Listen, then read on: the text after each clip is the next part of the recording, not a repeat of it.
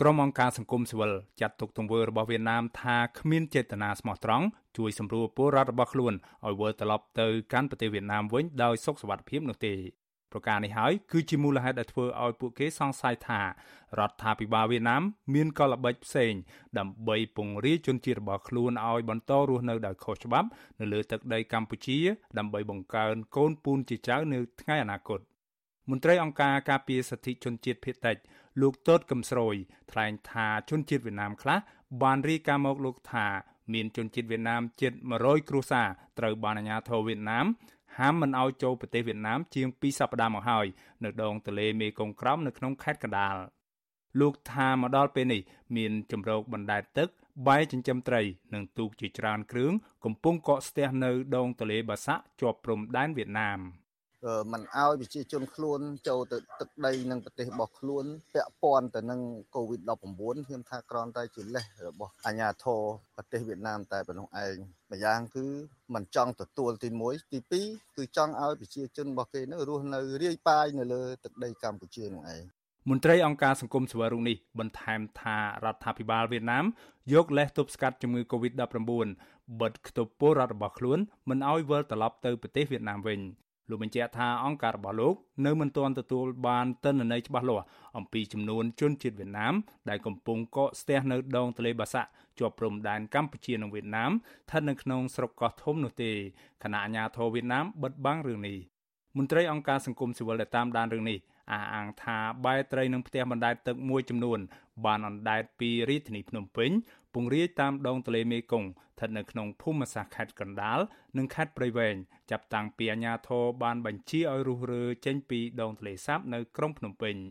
ជាមួយគ្នានេះ Facebook របស់រដ្ឋបាលខេត្តកណ្ដាលចុះផ្សាយនៅថ្ងៃទី13ខែមិថុនាថាអាជ្ញាធរស្រុកនៅជាប់នឹងទន្លេមេគង្គក្រោមទាំង3គឺស្រុកលវាអែមគៀនស្វាយនិងស្រុកលើកដែកកំពុងយាមកាមនៅតាមមាត់ទន្លេយ៉ាងតឹងរឹងនិងមិនអនុញ្ញាតឲ្យបែរត្រី និងផ្ទះបណ្ដែតទឹកអែបចូលច្រាំងនោះឡើយ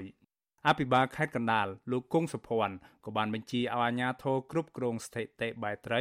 និងផ្ទះបណ្ដែតទឹកទាំងចាស់ទាំងថ្មី ដើម្បីរៀបចំសម្ដាប់ធ្នាប់តាមដងទន្លេឡើងវិញសម្រួលដល់ផ្លូវនាវាចរប្រព័ន្ធអេកូឡូស៊ីការបំពុលបរិស្ថានប៉ះពាល់សោភ័ណភាពដងទន្លេ និងសុខភាពពលរដ្ឋ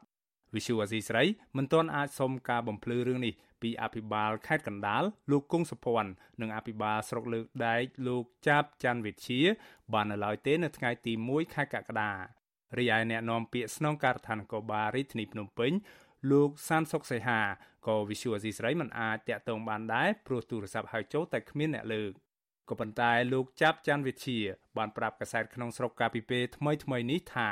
មកទល់ពេលនេះមានផ្ទះបណ្ដែតទឹកប្រមាណ83ខ្នងនិងមានមនុស្សជាង400នាក់បានមកដល់កោះមួយនៅត្រើយខាងលិចនៃទន្លេមេគង្គក្រោមគៀកព្រំដែនកម្ពុជានិងវៀតណាមពួកគេទាំងនោះភ្ជាប់ជាមួយនៅបែចិញ្ចឹមត្រីជាង100បែរី ឯនៅខេត្តព្រៃវែងវិញមានជំរកបណ្ដែតទឹកនិងបែចិញ្ចឹមត្រី170គ្រួសារនិងបែត្រី32កន្លែង បានចុះចតនៅទន្លេមេគង្គក្រោមនៅក្នុងស្រុកពីមជោមន្ត្រីនាំពាក្យសមាគមការពារសិទ្ធិមនុស្សអាត6លោកសឹងសានករណា ហួសចិត្តនៅគ្រាដែលពលរដ្ឋវៀតណាមខុសច្បាប់ដែលអាជ្ញាធរខ្មែរបានបណ្តេញចេញពីកម្ពុជាក៏ប៉ុន្តែបែរជាត្រូវរងទុក្ខនៅប្រទេសសម័យរបស់ខ្លួនទៅវិញលោកថាទង្វើរបស់រដ្ឋាភិបាលវៀតណាមឆ្លុះបញ្ចាំងពីការមិនទទួលខុសត្រូវលើជោគវាសនារបស់ពលរដ្ឋរបស់ខ្លួនលោកសង្ស័យថាអាញាធរវៀតណាមធ្វើបែបនេះហាក់មានចេតនាផ្សេងពុំមែនដើម្បីទប់ស្កាត់ជំងឺ Covid-19 នោះទេ បណ្ដេញចេញពីប្រទេសកម្ពុជាហើយទៅជារងទុកនៅក្នុងប្រទេសសម័យរបស់ខ្លួនដែលជារដ្ឋរបស់ខ្លួនទៅវិញ ដែលមិនរដ្ឋាភិបាលរបស់ខ្លួនទៅវិញដែលមិនទទួលខុសត្រូវទៅលើវាសនារបស់ពួកគាត់ហើយធ្វើការរំលោភទៅលើសិទ្ធិរបស់ពួកគាត់ទៅវិញចំណុចទាំងអស់នេះអាចធ្វើឲ្យមានការរិះគន់ពីសហគមន៍អន្តរជាតិជាមួយគ្នានេះអភិបាលខណ្ឌច្បារអំពៅលោកចេញមនីរា ប្រាប់សារព័ត៌មានថ្មីថ្មីថាសំណង់មិនរៀបរយបែត្រីនឹងផ្ទះបណ្ដែតទឹកជាង400បានរុះរើចេញពីខណ្ឌច្បារអំពើរបស់លោកបច្ចុប្បន្ននៅសល់បែត្រីតែ46ប៉ុណ្ណោះដោយសារតែម្ចាស់បែស្នើសុំពន្យាពេលដើម្បីដួសត្រីនិងសន្យាស្ម័គ្រចិត្តចល័តចេញពីខណ្ឌច្បារអំពើ កាលពីថ្ងៃទី13ខែមិថុនាកន្លងទៅសមាគមវៀតណាមនៅកម្ពុជា បានចេញសេចក្តីប្រកាសព័ត៌មានហាមមិនអោយជនជាតិវៀតណាមវិលត្រឡប់ទៅប្រទេសវៀតណាមវិញនោះទេ